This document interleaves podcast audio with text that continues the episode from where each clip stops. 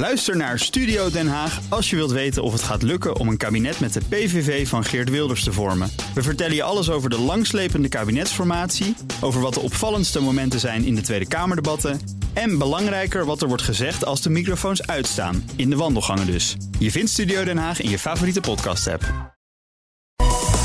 BNR Nieuwsradio. The Big Five. Art Rojakkers. Goedemorgen, fijn dat je luistert naar BNR's Big Five. Taal is een machtig middel. Daar kunnen onze leiders over meepraten. Over ieder woordje in verkiezingsprogramma's en coronapersconferenties wordt nagedacht.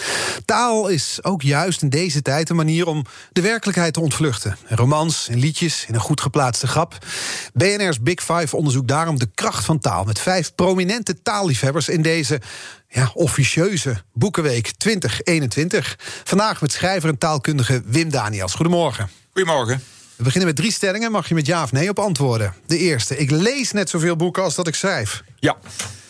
Over 50 jaar is het dialect in Nederland volledig uitgestorven. Ja. De laatste. Amahula klinkt mooier dan Sapper de Flap. Nee. Ah, Oké, toch nog een nee te pakken.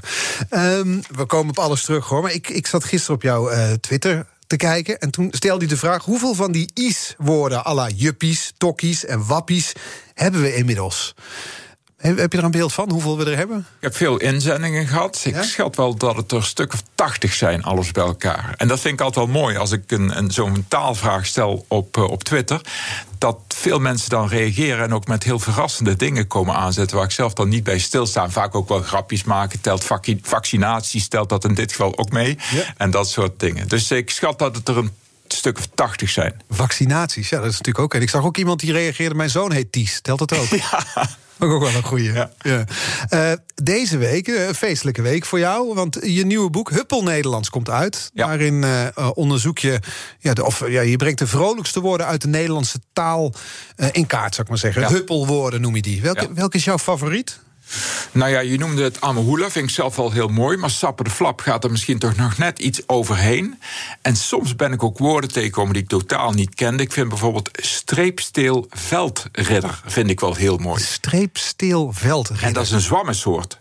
De streepstil veldridder. En dan heb ik daar toch ook meteen de gedachte bij dat ik dan zo'n zwam zie, te paard, weet je wel. Ja. Die dan een ander zwam te hulp komt. Uh -huh. En ook meteen die andere zwam weet te redden. De streepstil veldridder. Heerlijk. Die ga ik nooit meer vergeten. Ik lees mijn, boekers, mijn dochters voor uit een boekje De Ridder zonder billen.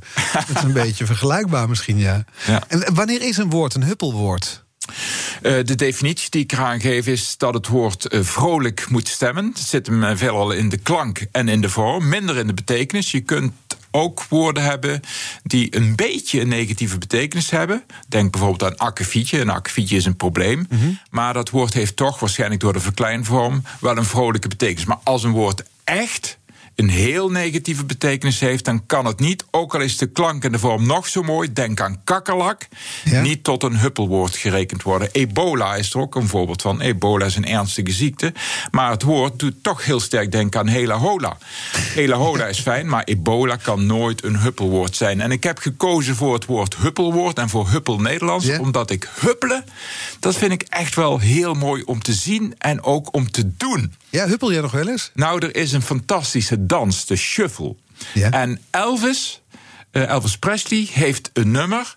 Um, such, uh, su jij, jij, moet het weten. What a, what a, what a, such a night. Ja. Heet het Such a Night. Ja, ja, ja. Nou ja, dat is het shuffle-nummer bij uitstek. Er is een remix van gemaakt. Als mensen dat willen zien, moeten ze intikken Such a Night, Elvis, remix en shuffle. En dat doen ze op En- en YouTube en, wat zie je dan? ja, fantastische dans. En dat gaat door. En de shuffle is een dans waarbij je echt moet huppelen. En opvallend is dat, dat, dat niet alle kinderen kunnen huppelen. Waarom?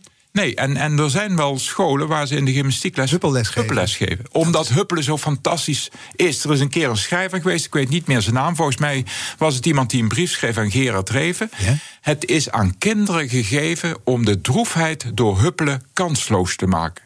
Dat vond ik zo mooi. Huppelen is fantastisch. Als je huppelt, dan voel je je vrolijk. En daarom dat ik mijn verzameling vrolijke woorden Huppel Nederlands noem. Ja. Huppelles is ook wel een prachtig woord trouwens. Huppelles, ja, Huppelles. zeker. Ja. Ja. Door die dubbeling, hè? Huppelles. Ja, ja. en, en nog mooier is ukulele-les. Ja, die is wel heel mooi inderdaad. Ja, ukulele-les. Ik weet trouwens niet wanneer ik voor het laatst gehuppeld heb. Zit ik me nu meteen te bedenken. Terwijl dat het leven zoveel luchtiger en vrolijker maakt. Ja, ja, volwassenen gaan zich over het algemeen daarvoor schamen. En dan is die shuffledans wel een mooie uitweg. Bovendien is het ook een hele intensieve dans. Dus je krijgt er ook een goede conditie van. Ja, ik ga vanmiddag met mijn dochters huppelen, dat weet ik wel. Ja, en dan moet je dat bij voorkeur doen op dat nummer van Elvis. Ja. Such a Night. Such a Night. Ik zet het op op YouTube. Alhoewel ze dan ja, meestal in opstand komen als ik mijn, mijn muziek draai. ja.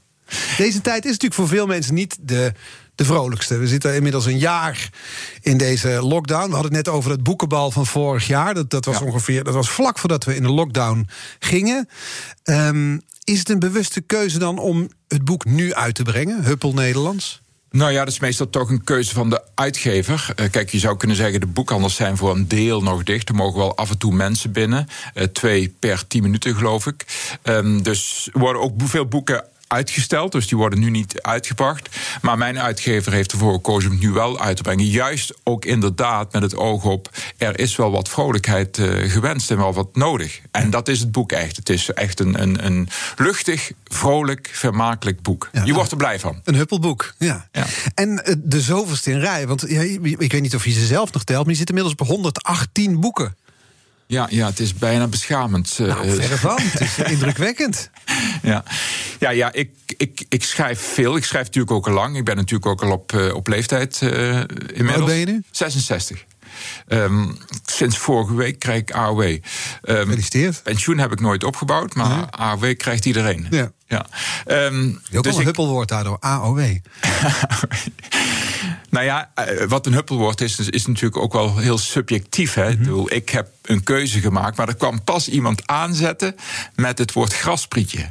Ja. En als je aan grasprietje denkt en je denkt aan een voetbalveld met ja. net gemaaid gras ja. in mei, terwijl de zon schijnt, oh, die geur, dan denk je, ja, grasprietje had er misschien ook wel bij gemoeten. Zeker. Maar hij noemde toen ook appelflap en dat vind ik net iets te veel een in één gezakt woord, terwijl ik sapperflap dus wel weer heel mooi vind. Appelflap gaat te veel, Ja, ja, ja.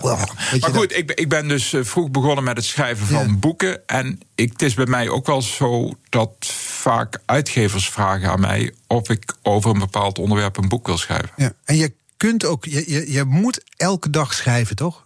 Ja, ja, ja. Ik Wat is de uitlaatklep? voel me het fijnst als ik elke dag wel een tijdje kan schrijven. En als ik schrijf, dan maak ik ook wel meters. Het is niet zo dat ik uh, uren in de lucht zit te turen... totdat er een uh, inspiratiewolkje boven komt drijven. Nee, als ik werk, dan, dan komt er ook wel tekst. Nou heb, is dat over het algemeen makkelijker als je non-fictie schrijft... Mm -hmm.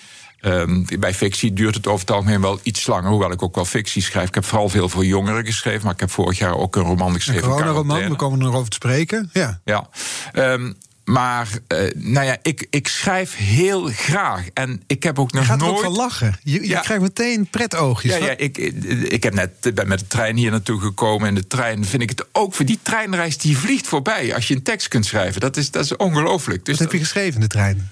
Ik ben bezig met een verhaal voor uh, een, een, uitgeverij die wil de boekhandels verrassen met een boek. Omdat de boekhandels het niet zo makkelijk hebben, willen ze binnenkort een boek uitbrengen met verhalen van verschillende auteurs. Ze hebben mij gevraagd ook een verhaal te schrijven. Ook een beetje alsof je worst en een slager geeft.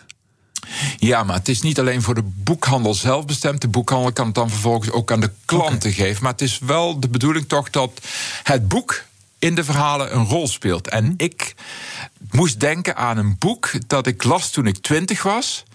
Mooiste boek dat ik ooit heb gelezen. Unmögliche Beweisaufnahme van Hans-Erich Nossak, een Duitse schrijver die in Nederland nooit bekend is geworden. Ik denk zelfs dat hij in Duitsland momenteel in de vergetelheid is geraakt. Die schreef in 1954, mijn geboortejaar, dat boek, Unmögliche Beweisaufnahme. En ik las dat toen ik twintig was en ik was helemaal perplex. Ik dacht dat dat kan, dat je zoiets kunt opschrijven. En waar zat hem dat in? En dat zat hem in de, de, de, de lichtvoetigheid van de woorden. Het is net alsof je, als je het boek leest, alsof die woorden op een koord dansen. Ze kunnen er afvallen, maar ze blijven er allemaal opstaan. En ze halen allemaal de andere kant. Stuk voor stuk, zin voor zin. En dan blijft het hele boek zo doorgaan. Terwijl het een heel zwaar onderwerp is. Een rechtszaak. Een man staat uh, voor de rechtbank op verdenking van betrokkenheid... bij de verdwijning van zijn vrouw. Maar die vrouw is volgens die man in het niet verzekerbare verdwenen. die heeft gewoon voor een ander leven gekozen dan voor het leven van die man. Maar het niet verzekerbare is voor een rechtbank een volstrekt onhanteerbare term. En dan zie je die discussies tussen die man die gelooft in dat niet verzekerbare en die rechtbank die wil gewoon harde bewijzen hebben. Precies. Waar was jij die avond? Ja. Fantastisch boek. En hoe heet het nog één keer? Onmögliche beweisaufname. Toen ik dat boek las, had ik net de dag ervoor de Brandenburgse concerten van Bach gehoord. En die twee dingen samen, dat, dat was voor mij wel echt een, een hoogtepunt en ook wel een ontdekking. Dat je zoiets kunt maken in de muziek en in de taal. The Big Five. Art Rojakkers.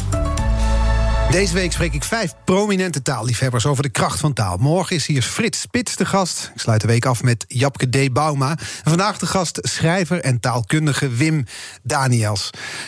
Je hebt volgens mij, want we hadden het over het schrijven... en over de, de, de, de drang tot schrijven. Ik begrijp dat jij eigenlijk een minimum van 500 woorden per dag wil schrijven. Moet schrijven. Klopt dat? Ja, ja, ik tel ze niet precies, maar dat zit wel zo'n beetje in mijn hoofd. Dat moet er wel minimaal uitkomen, ja. En heb je dan nooit last van een writersblok? Dat je, dat je zit naar dat scherm te turen en het komt maar niet. Nee, heb- eh, dat heb ik nog nooit gehad. Dat wordt wel vaker aan mij gevraagd. Ik heb thuis wel een plaatje liggen van een man die ligt naast zijn vrouw in bed met een boek op zijn hoofd. Want die man heeft een writersblok. En probeert daarmee Vrij letterlijk. ja, ik probeer daarmee het ruitersblok weg, weg te nemen. Ik heb het nog nooit gehad. En ik heb een agenda. Ik heb nog altijd papieren agenda. En elk jaar als ik een nieuwe agenda aanschaf... dan schrijf ik daar mijn ideeën op voor de nieuwe boeken die ik nog wil schrijven. En dat is toch nog altijd wel een lang lijstje. Er staan Ja? er nog een stuk of 15 op. Wauw. Ja, nou, dus inderdaad een lang lijstje, maar vergeleken met die 118 is het ook wel weer bescheiden. Maar er zal ongetwijfeld iets bij komen. Maar 118 boeken heb je al geschreven. Ja. Komt het voort uit eh, de drang om een verhaal te vertellen, of komt het voort uit liefde voor de taal? Allebei. Ik ben wel, ik hou heel erg van de anekdote. En een anekdote vertellen is een, is een verhaal vertellen. Dat is heel iets anders dan een mop. Een anekdote is iets wat waar gebeurd is. En dat moet iets heel bijzonders zijn. Er moet ook een point in zitten. Ik hou heel erg van het verhaal. Dat had ik al op de, de, de middelbare school. Als ik een docent hoorde vertellen. die fantastisch verhaal van iets kon maken. dan was ik meteen heel erg geboeid door die docent. Veel meer dan door losse informatie. Ik, ik, ik denk ook dat het taalonderwijs op, op, eh, op de lagere school en de middelbare, middelbare school heel erg gediend is bij het verhaal achter de regels. We zijn geneigd om kinderen regeltjes te leren als het om taal gaat. Dat, dat is die spellingregel, dat is die grammatica-regel. Werkwoord, werkwoord, DT, noem maar op. Ja, maar het verhaal daarachter, dat is vaak heel erg mooi. En als je dat verhaal te horen krijgt, dan ga je ook van die taal houden. En dan snap je ook dat die regels vaak volkomen dwaas zijn. Maar dan wil je ze wel accepteren, omdat je dat verhaal daarachter kent. Ja. Eén verhaal dat je mij bij een eerdere eh, ontmoeting hebt verteld... ging over de, de angst van ons allemaal dat het Nederlands verdwijnt. Dat buitenlandse talen de invloed zo groot zullen worden... bijvoorbeeld Engels, of misschien op den duur wel Chinees... dat, dat Nederlands ondergesneeuwd gaat worden. En toen vertelde jij zo'n mooi verhaal over kriktaal. Ja, ja, ja, dat was een man. Volgens mij heette hij zelfs A. van Nijnatten uit Limburg. Die heeft in 1965 meegedaan aan een wedstrijd die toen uitgeschreven werd door Dagblad, toen nog een dagblad De Tijd. En eh, men was dus in 1965 al bang dat het Engels het Nederlands zou gaan overspoelen. En toen heeft Dagblad De Tijd een prijsvraag uitgeschreven: bedenk Nederlandse woorden voor Engelse woorden. En toen heeft die A van Nijnatten uit Limburg kriktaal bedacht als woord voor pep talk. Prachtig. Hebben we daarna nooit meer iets van gehoord, Nee. van kriktaal. Nou ja, ik probeer het vol te houden, maar je wordt er soms raar op aangekeken... als je kriktaal er zomaar in gooit. Ja, maar het is natuurlijk wel zo dat, dat eh, er in de loop van de tijd heel veel Engels in het Nederlands terecht is gekomen. Maar dan moet je bij bedenken dat de meeste Engelse woorden zijn gewoon Franse woorden. Want het Engels is enorm beïnvloed door het Frans. Door Willem de Veroveraar, die in 1066 Engeland heeft verslagen in een oorlog. Toen zijn die Fransen daar du- 300 jaar gebleven. Echt, als je, als je een Engels woordenboek neemt en je gaat per woord naar waar komt het woord vandaan, dan ga je in heel veel gevallen terug naar het Frans. Maar goed, dat neemt niet weg dat het Engels wel dominant wordt. Ik zat afgelopen zaterdag eh, nog naar een uitzending te kijken waarin veel jongeren voorkomen. En jongeren zijn natuurlijk heel snel geneigd, omdat ze veel internationaler zijn dan de mensen vroeger, dan ik vroeger ook, om Engelse taal te gebruiken. Ja. Voor hen is dat vanzelfsprekend. Tweede natuur. Ja, tweede natuur. Second nature. Ja, ja, ja. maar zo gauw, zolang het bij woorden blijft, is het niet zo erg. Als je hele zinnen gaat overnemen, dan moeten we ons ongerust maken, denk ik. Ja. Over die zinnen gesproken. Want wat ik begrijp is dat uh, jouw boeken soms met één zin beginnen die je in je hoofd hebt. Vorig jaar, je zei het al, schreef je je, je eerste roman voor volwassenen volgens mij. Een coronaroman, ja. Quarantaine. In vier weken geschreven. Er zijn andere schrijvers doen er jaren over. Wim Daniel schudt hem even zo uit de mouw. Het een en het andere is overdreven. Vier weken en jaar. Hoeveel weken was het dan? Ja, nee, vier, nee, vier weken. Vier weken is overdreven, bedoel je? Maar, maar ja, is jaren ook. Ja, ja, is allebei een beetje te veel. Ja. En dat begon dus met een zin die jij hoorde op, uh, in Frankrijk, op, op een jaarlijkse schrijfcursus. Ja, ja. Wat was die zin eigenlijk? Ja, het was een fantastische zin. Ik geef elk jaar een schrijfcursus in Frankrijk voor mensen die ook een boek willen schrijven. Um, bij, bij kennissen die ik daar heb in Frankrijk. Prachtige locatie. Vorig jaar is het overigens niet doorgaan, maar het jaar daarvoor zag ik op een gegeven moment een van de cursisten, een vrouw, spelen met een hond met een balletje. En op een gegeven moment ving dat balletje over een muur heen en was het weg. En toen wilde die vrouw tegen de eigenaar van het complex gaan zeggen dat ze het balletje kwijt was. En die hond die zag ik achter haar aanlopen. En toen was die vrouw bezig met het verhaal om te vertellen tegen die eigenaar het balletje is over die muur verdwenen, we zijn het kwijt. Maar halverwege stopte ze en toen keek ze om naar die hond. En toen zei ze, misschien moet je trouwens zelf maar vertellen. dat vond ik zo'n fantastische zin, yeah. dat ik dacht, daar, daar, daar, daar moet ik iets mee gaan doen. En die zin is in mijn hoofd gebleven en daar ben ik dat boek Quarantaine ook mee begonnen. Ja. Het is inderdaad, maar op deze manier is het een prachtige zin. Vanwege de anekdote die erachter zit. Ja, ja, ja. ja, ja. En dat ontstaat vaker. Ik begreep dat ook ooit de zin, weet je nu al wat je straks zult zeggen. Dat dat ook iets ja, was. In 1995 werd ik wakker. Uh, op een morgen met de zin in mijn hoofd. Waar die zin vandaan kwam, weet ik niet. Uh, weet nu al wat je straks zult zeggen. En dat vond ik op zich ook wel een intrigerende zin. Maar ik had nog een idee bij wat dat moest verbeelden. En toen dacht ik, het was 1995. Over vijf jaar is het het jaar 2000. Jongerentaal vernieuwt zich ongeveer elke vijf jaar. Weet je wat? Ik ga de jongerentaal van het jaar 2000 voorspellen. Heb ik toen een boek van gemaakt. Ik weet nog dat Astrid Joosten had toen een tv-programma. Toen heeft ze wat jongeren van de straat geplukt. Ja? En die jongeren verplicht om in mijn bedachte taal te spreken. En? en vijf jaar later was het just jaar 2000. Geen enkel woord uit mijn boek werd toen gebruikt. Helemaal niet. Ja, ik geloof één woord, maar, maar, maar het stelde echt niks voor. En welke terms hebben we verloren daardoor? Wat, wat had eigenlijk in ons vocabulaire moeten zitten volgens Wim Daniels? Dat weet ik bij god niet meer. Dat boek is dus uitgekomen in 1995. Nee, dat weet ik echt niet meer wat ik nee. daarin heb geschreven. Maar het was, een, het was een mooi... Pups 2000 was de titel van het boek. Pups 2000. Pups 2000, ja. En het zit hem dus in zinnen, maar het zit hem... Uh, soms ook in, in, veel kleinere dingen. Ik, ik heb jouw uh, liefdesverklaring over de, voor de punt komma nog eens tot me genomen. de komma? De komma. Ja, ja. Ik dacht, er was ook een puntkomma. Dat je, die vond ik zo mooi omschreven. Jij omschreef de puntkomma als je wilt weglopen, draait al half om, maar je moet nog iets zeggen. Je draait Ja, terug en ja, die terugdraai is de puntkomma. Ja, ja, ja, ja, leestekens die zijn ontzettend interessant en ook belangrijk. Die kunnen echt een tekst wel een andere betekenis geven. Dat is met de komma ook zo. Dat is met de komma het sterkst. Daar ben jij verliefd op, op de komma, toch? Ja, ja, ja, ja. In het, woord staat, eh, in het woordenboek staat het woord komma-neuker. Ehm, maar dat gebruik ik, een beetje, gebruik ik een beetje als een geuzennaam. Ja, ja, ja. Ik hou heel erg van de komma. En ik heb op een gegeven moment ook ontdekt wat die komma in feite is. Ik, ik wilde dus achterhalen, wat is die komma? Wie heeft die bedacht en waarom ziet er die uit zoals je eruit ziet? En toen kwam ik erachter dat het woord komma afgeleid is van een Grieks woord koptijn. En dat betekent insnijding. Het Grieks woord koptijn betekent insnijding. Daar is het woord komma van afgeleid. En toen dacht ik, nou weet ik het, want een insnijding is hetzelfde als ons woordje zinsnede. Daar zit die insnijding ook in. En een zinsnede is een stukje zin dat je snijdt in een bestaande zin. En dat doe je met een komma. Maar aanvankelijk heette die zinsnede het komma. En later zijn ze het leesteken dat ze gaan gebruiken om die zinsnede de komma gaan noemen. En dat is dus de oorsprong van in feite het en de komma. En dat is zo mooi. Ja. En, En die, en die komma kan een betekenis enorm veranderen. Ja, toch? Ja, eh, mijn vermogen, komma, dat onbelast is, vermaak ik aan Jansen. Of mijn vermogen zonder komma, dat onbelast is, vermaak ik aan Jansen. Kan miljoenen schelen. Kan miljoenen schelen. Ja, ja, ja. Dus dat blijkt maar weer dat voor, ook voor elke luisteraar de komma belangrijk is. Ja, en mij valt wel eens op dat toch vrij veel mensen. Ik, kom, ik geef ook wel eens voordrachten bij, bij, bij, bij rechtbanken en bij notarissen. dat niet iedereen het belang van die komma beseft. En dat zou toch wel moeten. Ja. Maar goed, ik heb er ooit een boek over geschreven. Ik ga niet nog een keer een boek over de komma schrijven. Nee, ja, dan wordt het de puntkomma. Dan is het de komma en dan de puntkomma erachteraan. Nou ja, de, een Engelse Lynn Truss die heeft een fantastisch boek geschreven over de apostrof. Ik heb dat ooit in het Nederlands vertaald onder de titel Eten, Vuren en Beuken, geloof ik dat het was. Ja, ja fantastisch boek over de apostrof. Daar zijn er miljoenen van verkocht in het Engelse taalgebied. Nagaan. ja. ja. Dus er valt genoeg te vertellen. gaan we zo meteen ook doen. Het tweede half uur van BNR's Big Five. Met schrijver en taalkundige Wim Daniels. Dan gaan we het onder andere hebben over de vraag wat de coronapandemie met onze taal doet. Tot zo. BNR Nieuwsradio. The Big Five. Art Rojakkers. Welkom bij het tweede halfuur van BNR's Big Five. Deze week vijf prominente taalliefhebbers over de kracht van taal. Later spreek ik nog met Paulien Cornelissen en met straattaaldeskundige Galit Moerig. En vandaag de gast schrijver en taalkundige Wim Daniels. We zullen het toch maar even over corona woorden hebben, want er zijn er een boel bijgekomen de laatste tijd. Uh, laatste jaar, anderhalve meter samenleving, coronamoe, ellebooghoesten, ontwijkstress. Ja. Was ik alweer bijna vergeten.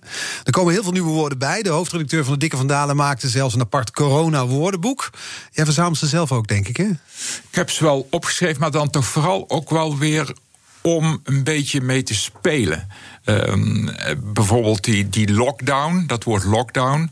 Uh, ik schrijf dan vaak een, een Twitterbericht uit, omdat ik met mijn Twittervolgers ook graag met taal speel. Mhm. En er kwamen fantastische dingen. Uh, dat, dat ging van cockdown, het restaurant is dicht, walkdown, het Japanse restaurant is ook dicht, lockdown, de kapper is ook dicht, stockdown, de aandelenbeurzen gingen omlaag, smokdown. Er was aanvankelijk minder smok door minder auto's, et cetera. Dus dat vind ik dan ook wel weer heerlijk. Tegelijkertijd wil ik ook altijd wel voorzichtig zijn. Want het is natuurlijk een ernstige ziekte. En ik wil ook geen pret maken met dingen die heel ernstig zijn. Dus zelf probeer ik ook altijd wel voorzichtig te zijn bij dat soort dingen. Maar wat levert deze tijd.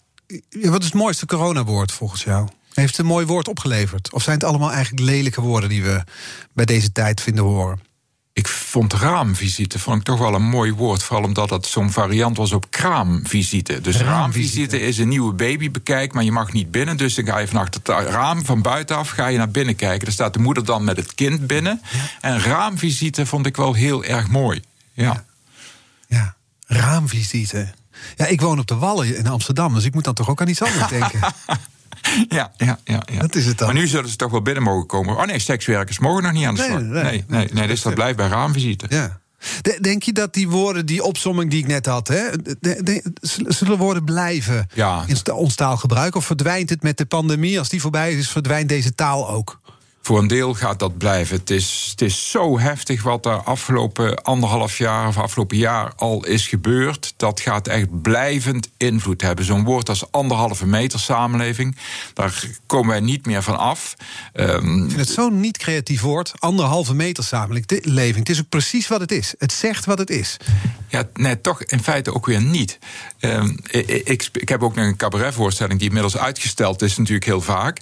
En ik ga daarin op onder andere het woordje één. Ik, ik ga in op de zin met nemen een ei. En mhm. ook één behandel ik, want over elk woord kun je fantastisch iets zeggen. En één ontbreekt merkwaardig genoeg in anderhalve meter samenleving. Want anderhalve meter samenleving zegt niks, want anderhalve meter is van de ander de helft. Ja, dan, dan moet, je moet wel weten wat eraan vooraf gaat. Anders weet je niet wat van die ander van de, van de helft is. Stel als je in een restaurant zit en je, en je hebt spaghetti bolognese besteld... en de open komt eraan en je zegt, hier heb je alleen de bolognese. dan denk je, ja, maar, maar, waar is die spaghetti dan? Ja, Dus het moet één en anderhalf zijn. Ja, het is een beetje hetzelfde als 11 en 12. 11 is one left en 12 is ontstaan uit two left. Maar ja, dat, je moet wel weten dat er 10 eraan vooraf gaat. Anders weet je niet wat 11 en 12 is. En dat is ook een beetje met, met, met die anderhalf. Dus ik vind het wel weer een bijzonder woord. Elk woord is in feite een bijzonder woord. Dat is voor mij nog wel een belangrijke ontdekking geweest in mijn liefde voor taal. Dat elk woord een masker op heeft. En dat dat masker, dat kun je van afhalen. En dan pas zie je wat het woord echt is. En dat kan ook heel veel plezier geven. Dat masker is, daarachter gaat de betekenis verscholen. Moet ik het me zo voorstellen? Ja, ja, denk aan het woordje cabriolet. Een auto met een open dak. Mhm. Dat woord is afgeleid van het woordje capra. Latijns woordje capra, dat betekent bok. En, en uh, dus die auto met het open dak is eigenlijk een, een nabootsing van het vroegere bokkenwagentje. Dat had zo'nzelfde dakje. Ja. En dat bokkenwagentje was heel erg licht. Dat ging toen nog over hobbelige wegen. Dus dat maakte vaak rare bokkensprongen, ook wel rare capriolen gezegd. Ook capriol is dus datzelfde als het woordje cabriolet dat bok is. Dus de volgende keer als ik zo'n man in zo'n midlife crisis in zo'n cabriolet voorbij zie rijden, moet ik gewoon zeggen: wat een mooi bokkenwagen. maar dat, dat, dat, dan opent zich wel een, een mooie geschiedenis, vind ik. En dat, dat zou ik ook voor het onderwijs wel willen. Dus dat, dat er meer gekeken wordt naar de achterkant van de taal... en minder, dan alleen naar, minder alleen naar die voorkant. Want daarmee creëer je ook meer liefde voor de taal, kan ja, ik me zeker. voorstellen. En daar is het bij mij in mijn dialect, in mijn Zuidoost-Brabantse dialect... ook mee begonnen.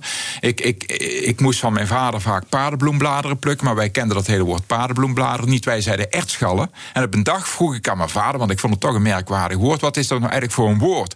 Waarop mijn vader zei: Jongen, dat weet ik niet, pluk ze nou maar gewoon. En toen ben ik op zoek gegaan naar ertschallen. Naar, de, naar het woord ertschallen. En dat heeft voor mij wel uh, veel betekend. Want toen ben ik ook een schriftje gaan aanleggen. Ik had al een schriftje, maar daar deed ik onzinnige dingen mee. Daar schreef ik, wij waren thuis ongemotoriseerd, daar schreef ik nummerborden in op van auto's die voorbij kwamen. Komt er een auto voorbij, nummerbord opschrijven. Totaal zinloze hobby. Je kunt ze niet ruilen of niks, je hebt er niks, niks, aan. nee. En toen heb ik een ander schriftje gekocht bij Maria van Vlerken in de Dorpstraat bij ons in het dorp. En toen dacht ik, nu ga ik woorden opschrijven. En toen ben ik die woorden gaan ontmaskeren. En dat is het begin geweest van mijn liefde voor taal, via mijn dialect. Ja, en dat dialect, daar was ik wel benieuwd naar. Want het, uh, we delen hetzelfde dialect. Ik kom oorspronkelijk ook uit Zuidoost-Brabant. Nou heeft het, het Meertens Instituut heeft de impact van corona op onze taal onderzocht. Een van de bevindingen is dat dialect nu vaker wordt gebruikt in de openbare ruimte. De aandacht voor het lokale zou een manier zijn om troost te bieden, om verbondenheid tot uiting te brengen. Verbaast jou dat? Ik heb het zelf niet gemerkt. Maar goed, dat komt misschien dan ook omdat ik zelf ook uh, veel minder contact heb dan eerst. Ik heb maar thuis praat je een dialect, toch, met jouw vrouw? Ja, mijn vrouw komt uit een belendend dorp. Uh, zij is ook opgegroeid in het dialect, plat opgegroeid. We zijn al bij plat opgegroeid. Plat komt overigens van platteland af, niet van platvloers. Uh -huh. um, en wij praten met elkaar dialect. Dat heeft, is natuurlijk dan wel uh, een beetje in elkaar overgegaan, want dat krijg je. als, naar elkaar toe? Ja, ja.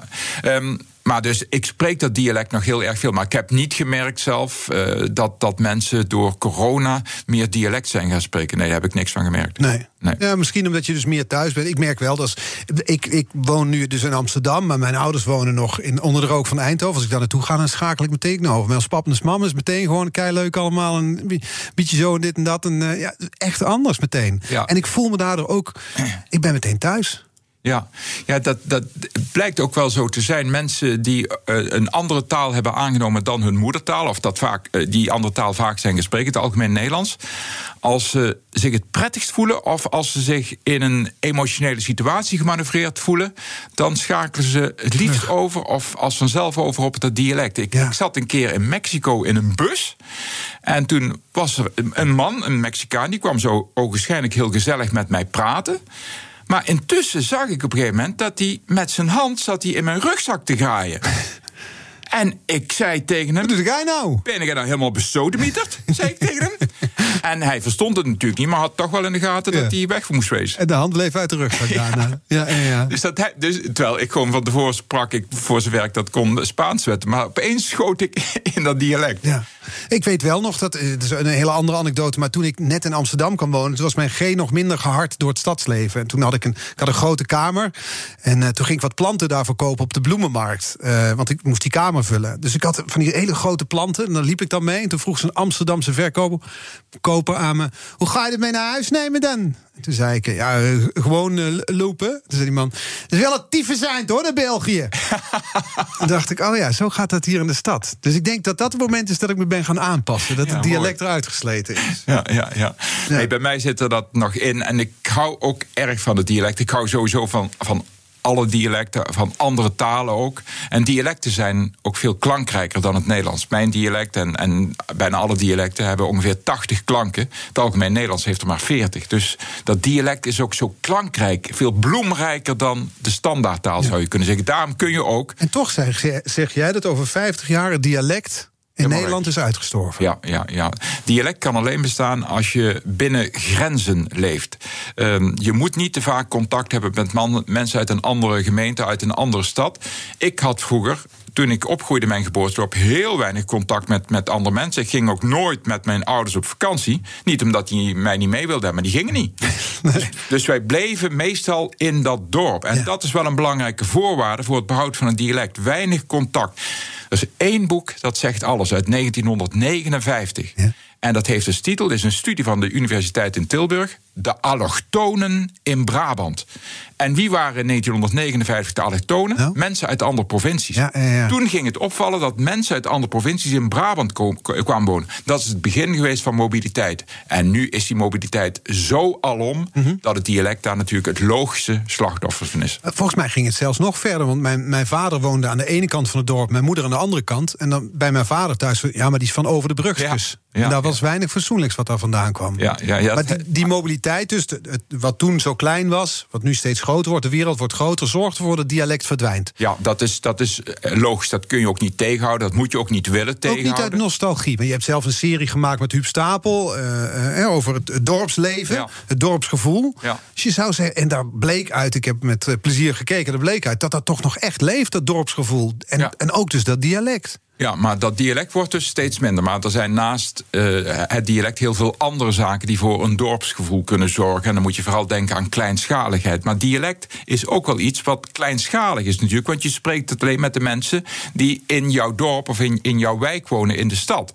En dat, ja, dat bestaat simpelweg niet meer. Want mensen wonen tegenwoordig overal.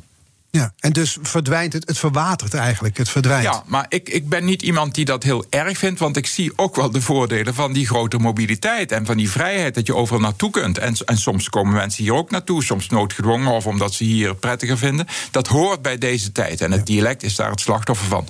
Neem niet weg dat ik het nog altijd graag spreek en het graag hoor, omdat het zo fantastisch kleurrijk is. En omdat het mijn moedertaal is. En je moedertaal is altijd voor een deel je identiteit. Ja, precies. En dus het woord houdoe, ook weer een boek over geschreven. Hè? Ja. Het is toch misschien wel ook wel het mooiste, mooiste woord uit de Brabantse dan wel Nederlandse taal is zelfs twee keer gekozen tot mooiste Brabantse woord. En het staat ook in de Dikke Vandalen. Zelfs op twee manieren. Met en zonder begin, begin H. Eh, want in West-Brabant zeggen ze oudoe in plaats van houdoe. Ja, nee, bij mij thuis. En de klemtoon ligt op de eerste lettergreep. Als je de klemtoon op de tweede letter ja, dan kom je uit het noorden. kom je niet uit nee, Brabant. Houdoe. En eigenlijk is het ook een beetje houdoe, hè? Moet er achteraan. En het is afgeleid, en dat vind ik wel mooi, van houd je goed. Vind ik een mooie afscheidsgoed. Houd je goed. Precies. BNR Nieuwsradio.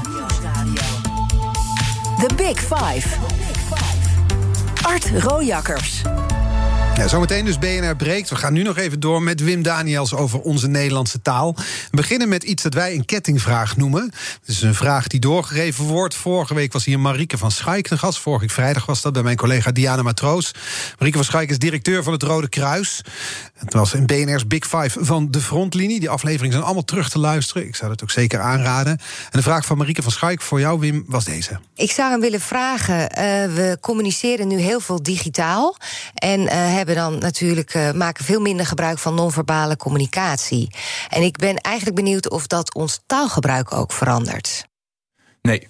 Oh verandert ons taalgebruik niet. Uh, het non-verbale, uh, dat zit hem als je, als, je, als je leest in tussen de regels lezen. Dat is het non-verbale. En dan kun je zelf ook nog die emoticons of smileys toevoegen. Dat mhm. is dan ook dat non-verbale. Maar het zit hem vooral in tussen de regels lezen. Dat vind ik het non-verbale bij geschreven taal. Ik geloof niet dat het heel erg verandert. Dat digitale dat heeft wel grote invloed gehad op de jongere taal. Jongere taal is lange tijd sluimerend gebleven, maar sinds uh, er een mobiele telefoon is, sinds sms, MSN, et cetera, zijn jongeren veel en veel meer gaan schrijven. En dat heeft wel doorgeklonken in de taal. Eh, in de Dikke Vandalen bijvoorbeeld vind je naast het woordje even ook het woordje effen. E-F-F-E. En zelfs FF in de betekenis even. En dat is de invloed die jongeren dankzij de digitale wereld hebben gekregen op de taal. Ja, ik heb me dat niet gerealiseerd. Maar inderdaad, jongeren zijn natuurlijk meer gaan schrijven dan Veel dat ze meer. zijn gaan praten in het verleden. En jongerentaal is op zich pas heel jong, bestaat pas 100 jaar. Eh, vroeger had je, had je geen jongerental omdat er geen jongeren waren. Je had alleen kinderen en volwassenen. En jongeren zijn er pas gekomen zo rond 1920, toen ze echt een podium kregen via de middelbare school. Ja, ja, ja. Ik wilde nog heel even terug naar corona, want we weken af met Brabant. En daar kan ik uren over praten met jou. Maar ik weet niet of alle BNR-luisteraars daar een plezier mee doen. dus nog even naar die corona-woorden. Want we hadden het over die vraag of dat na deze crisis... of die woorden blijven. Toen zei je, nou, bijvoorbeeld anderhalve meter samenleving... daar, daar komen we niet meer van af. Uh, hoe, hoe komt het eigenlijk? Want volgens mij is het ook historisch gezien zo... dat juist slechtere tijden vaak iets losmaken op taalgebied. Klopt dat of niet? Ja, goede tijden ook wel, maar slechtere tijden inderdaad meer. Simpelweg omdat daar veel meer over gesproken en geschreven wordt.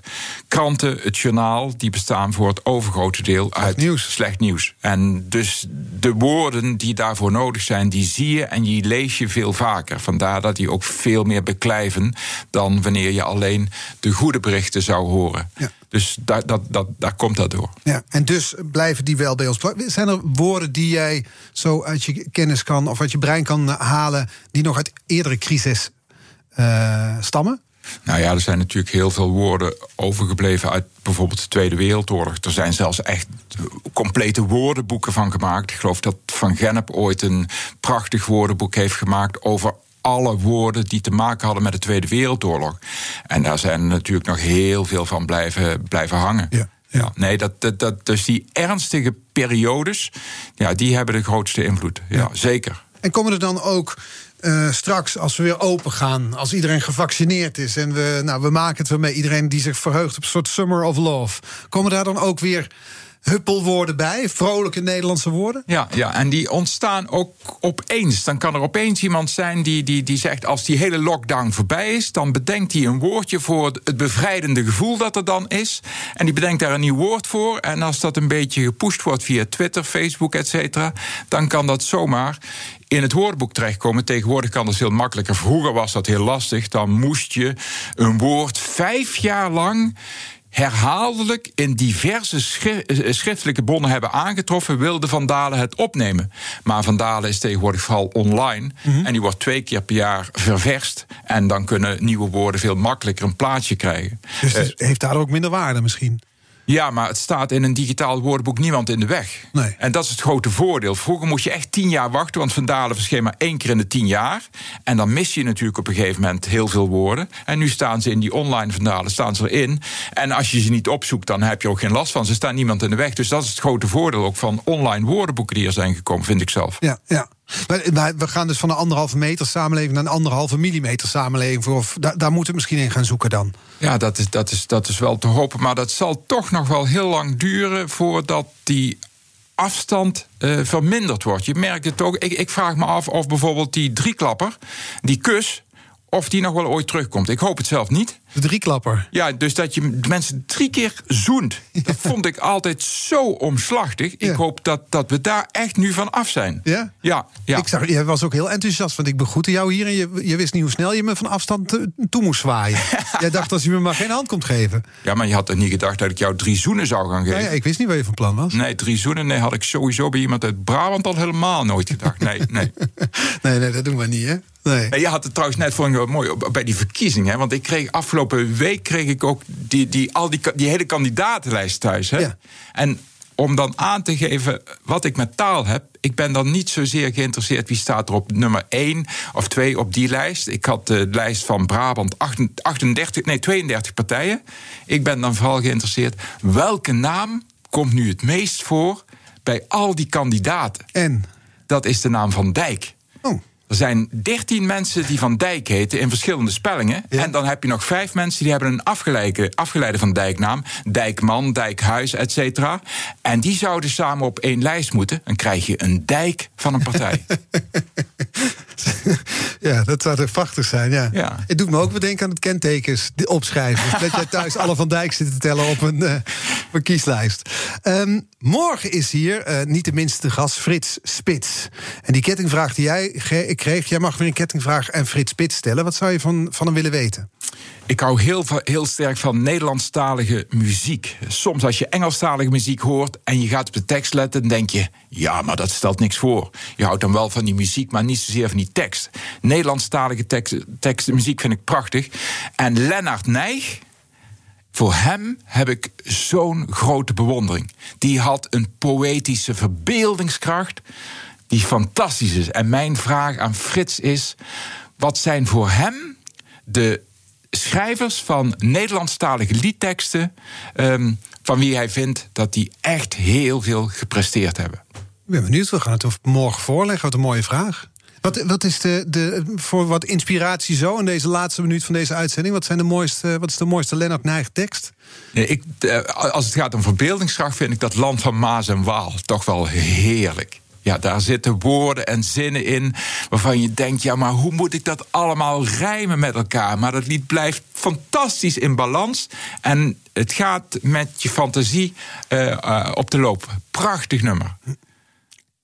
Land van Maas en Waal. Ik ga nog eens luisteren. En dan uh, uh, ja, zitten verheugen op het volgende boek dat komt. Boek nummer 119 van Wim Daniels. Gaat over vakantie, hè? Het gaat, dat heet Op vakantie. Er zijn mensen die zeggen: nee, dat kan niet, het moet zijn met vakantie. Want op vakantie is een contaminatie, een verhaspeling van met vakantie en op reis. Maar het heet Op vakantie, want dat werd ook vroeger al gezegd. En ik heb de geschiedenis van op vakantie gaan uitvoerig beschreven in een boek dat op 11 mei verschijnt. Op vakantie ook weer in de tijd denk ik dat mensen net op vakantie mogen gaan weer. Ja, dus het wordt het ultieme vakantieboek daarmee ook. Denk ik wel. Maar eerst gaan we huppelen met Huppel Nederlands.